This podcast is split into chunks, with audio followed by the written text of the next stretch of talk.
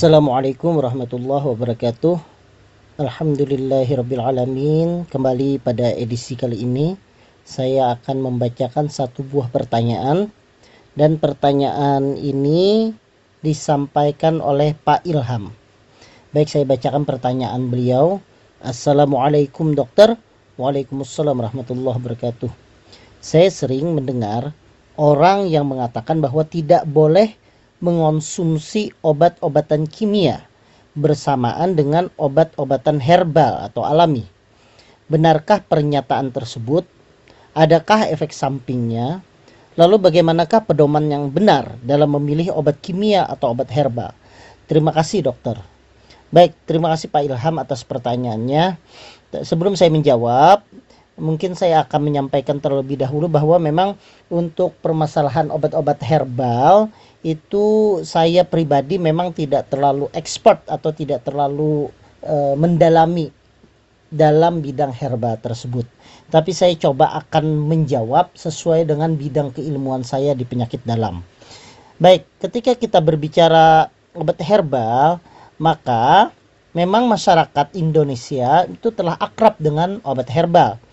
Menurut riset kesehatan dasar yang saya dapatkan pada tahun 2010, menunjukkan 59,12 persen penduduk Indonesia itu pernah mengonsumsi jamu untuk kesehatan.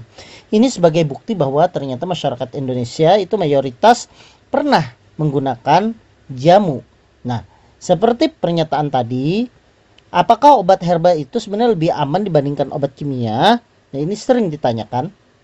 Jadi, kalau saya menilai bahwa obat herbal memang tidak 100% aman. Tapi jika efek sampingnya dibandingkan obat kimia, ya menurut saya obat herbal memang relatif lebih aman. Sebab efek samping dari pengobatan obat herbal itu biasanya dosisnya itu tidak sekuat dosis obat kimia yang memang sudah dikhususkan untuk penyakit-penyakit tertentu. Sehingga karena dosisnya itu memang tidak terlalu mencukupi sehingga efek sampingnya pun menurut saya juga tidak terlalu sebanyak efek samping pada obat-obatan kimia. Cuma kelebihan dari obat kimia tentunya efek sampingnya sudah diketahui.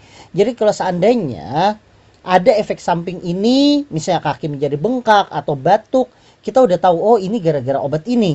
Nah, berbeda dengan obat herbal. Karena obat herbal itu dengan kandungan zat-zat aktif yang banyak, maka kadang kita tidak mengetahui apakah ini efek samping akibat obat herbal atau efek samping dari yang lainnya. Prinsipnya bahwa obat herbal itu adalah obat yang diambil berasal murni dari tanaman-tanaman tertentu. Nah, jika salah satu zat aktif yang diambil maka obat herba tersebut berubah fungsinya menjadi obat herba terstandar atau bisa menjadi fitofarmaka. Nah, itu efek sampingnya lebih berbahaya. Nah, tetapi kalau secara umum maka tentunya tidak terlalu berbahaya. Saya ambilkan contoh. Misalnya, bawang putih itu berkhasiat untuk menurunkan kadar lemak seperti kolesterol. Kemudian juga bawang putih itu menekan kadar gula darah serta ternyata bawang putih itu mengencerkan darah. Nah, mengingat khasiat tersebut, ketika seseorang ingin mencabut gigi misalnya, maka dia harus memberitahukan kepada dokter gigi bahwa dia punya kebiasaan mengonsumsi bawang putih. Kalau seandainya informasi ini tidak disampaikan, maka akan terjadi sesuatu hal yang tidak diinginkan, misalnya perdarahan yang terjadi ketika gigi dicabut maka sebaiknya kalau memang mengetahui hal tersebut, maka sebaiknya dihentikan dulu mengonsumsi bawang putih beberapa hari atau beberapa minggu menjelang dilaksanakan cabut gigi. Sebagai contoh lain misalnya ya yang saya dapatkan. Misalnya buah belimbing ya. Buah belimbing itu diketahui dia punya efek untuk menurunkan darah tinggi ya. Untuk pasien-pasien penderita hipertensi. Tapi tidak semua penderita darah tinggi itu cocok untuk minum jus belimbing. Kenapa? Karena kita kutip bersama ternyata pada hipertensi atau darah tinggi itu terbagi menjadi dua jenis. namanya hipertensi primer dan hipertensi sekunder. Nah, kalau hipertensi primer cocok-cocok aja. Tapi kalau hipertensinya itu sekunder, misalnya disertai karena adanya gangguan ginjal, justru jus belimbing atau buah belimbing yang dikonsumsi tersebut itu akan menyebabkan perburukan dan kerusakan ginjal menjadi lebih parah lagi seperti itu. Nah, pertanyaannya tadi ya, kita sudah jawab tadi apakah ada efek sampingnya. Nah, kemudian pertanyaannya benarkah bahwa obat herbal itu tidak boleh mengonsumsinya dengan obat-obat kimia? Nah, ini yang mungkin saya akan coba jawab ya. Jadi, sebenarnya memang kita harus uh, berhati-hati ya untuk mengonsumsi obat-obatan antara obat herbal bersamaan dengan obat kimia.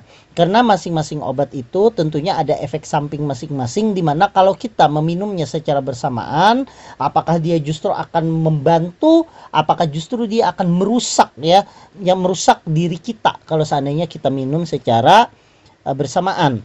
Apakah dia itu bersinergi untuk menyembuhkan kita ataukah mereka itu kontradiksi untuk menyembuhkan tubuh kita? Herba dan obat kimia itu sebenarnya memiliki khasiat yang sama, namun bekerja dengan cara yang berbeda. Kalau obat-obat kimia, dia bekerja misalnya dengan cara meredam gejala sakit, ya. Sedangkan herbal, baik itu dalam bentuk bisa suplemen, bisa dalam bentuk kapsul, bisa dalam bentuk jamu atau misalnya rebusan, umumnya berperan dalam menyeimbangkan fungsi organ agar bekerja dengan baik. Interaksi herba dan obat kimia itu dapat saja terjadi karena herba dan obat kimia itu sama-sama mengandung senyawa aktif yang sama-sama dapat mempengaruhi tubuh. Jika herba dan obat kimia dikonsumsi secara bersamaan, ada tiga interaksi yang mungkin timbul, yaitu yang pertama, efeknya semakin kuat, artinya kedua obat ini saling menguatkan, saling menyembuhkan. Atau yang kedua, efeknya menjadi berkurang kata saya tadi, saling berlawanan. Jadi dia itu malah nanti akan menyebabkan perlemahan dari efek yang kita inginkan. Atau yang ketiga dia malah hilang sama sekali, tidak ada efek sama sekali. Nah, hal ini cukup sulit untuk menentukan mana yang baik karena efek yang diinginkan sangat dipengaruhi oleh jenis penyakit dan kondisi tubuh pasien. Interaksi yang menguntungkan juga akan terjadi jika herbal yang dikonsumsi berefek mengurangi memberikan kekuatan pada uh, obat uh, obat kimia yang diminum tersebut. Nah, bagaimana cara amannya? Ya, menurut saya cara amannya itu adalah yang pertama tentunya mengetahui jenis obat herbal yang diminum apa, obat kimia yang diminum apa. Itu yang pertama. Kemudian yang kedua, mungkin saja diberikan jeda waktu, misalnya antara satu jam sampai dua jam antara obat herbal dengan obat kimia meminumnya tersebut. Nah, ada beberapa obat yang saya baca itu justru saling menguatkan. Nah, sebagai contoh misalnya di zaman COVID-19 ini misalnya kan eh, COVID itu disebutkan karena virus. Beberapa dokter dalam pengobatan COVID terutama derajat sedang dan derajat berat, dia diberikan obat. Obat yaitu obat antivirus. Contohnya obat antivirus itu adalah yang diminum favipiravir atau kalau yang disuntikan itu adalah remdesivir. Nah, bisa diberikan herbal dalam hal ini untuk saling menguatkan antivirus tersebut. Contoh herbal itu adalah Echinacea. Nah, Echinacea ini banyak merek-merek obatnya yang mengandung echinacea. Nah, beberapa penelitian ternyata mengkonsumsi echinacea dengan obat virus itu ternyata punya efek saling meningkat menguatkan sehingga meningkatkan sistem imun. Ada lagi misalnya sebagai contoh. Ini kita bicara bawang putih lagi ya. Misalnya orang dengan alergi ya. Alergi itu pada para dokter biasanya akan memberikan obat antihistamin Nah, ternyata ada ada herbal yang juga kalau dikombinasikan dengan antihistamin ini bisa menguatkan efek anti alerginya yaitu bawang putih. Jadi orang yang minum antihistamin dengan bawang putih itu biasanya akan mempercepat meredakan gejala alergi yang terjadi pada pasien tersebut. Namun selain saling menguatkan ada juga obat-obat yang saling berbahaya kalau seandainya diminum ya sebagai contoh misalnya ya Sebagai contoh, herbal yang mengandung tanin itu dapat mengurangi penyerapan tubuh terhadap obat-obat yang mengandung antara lain kodein, efedrin, dan teofilin. Kodein itu e obat batuk. Efedrin itu digunakan misalnya untuk e, dekongestan, untuk hidung tersumbat.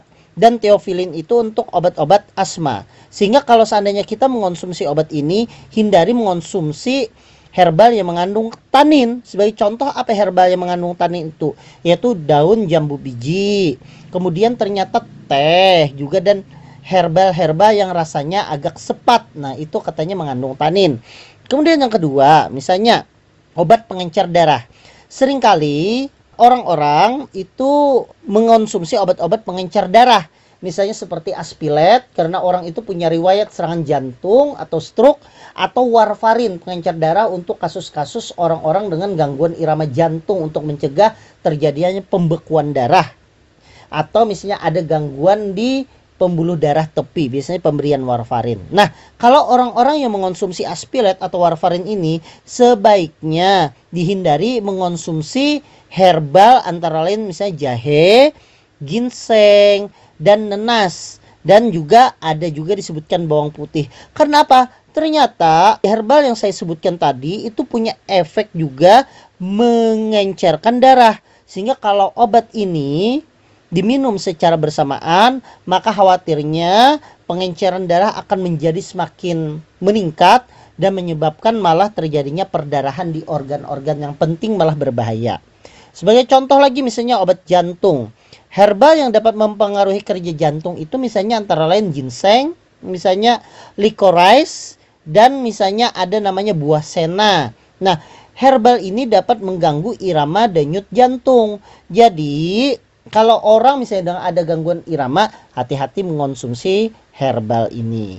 Jadi memang intinya kita kembalikan bahwa tidak semua herbal itu juga baik kalau seandainya digabung, tapi juga secara umum juga ada juga yang baik. Jadi yang penting itu adalah sebelum kita betul-betul mengonsumsi obat herbal, kita mengetahui apa kandungan obat herbal itu terhadap penyakit yang kita derita tersebut, kemudian kita kenali juga efek sampingnya dan efek samping dengan obat kimia yang kita minum. Sehingga kita tidak malah menyebabkan berbahaya ketika kita minum secara bersamaan obat tersebut. Demikian Pak Ilham, jawaban dari saya semoga ini bermanfaat. Saya tutup dengan ucapan wassalamualaikum warahmatullahi wabarakatuh.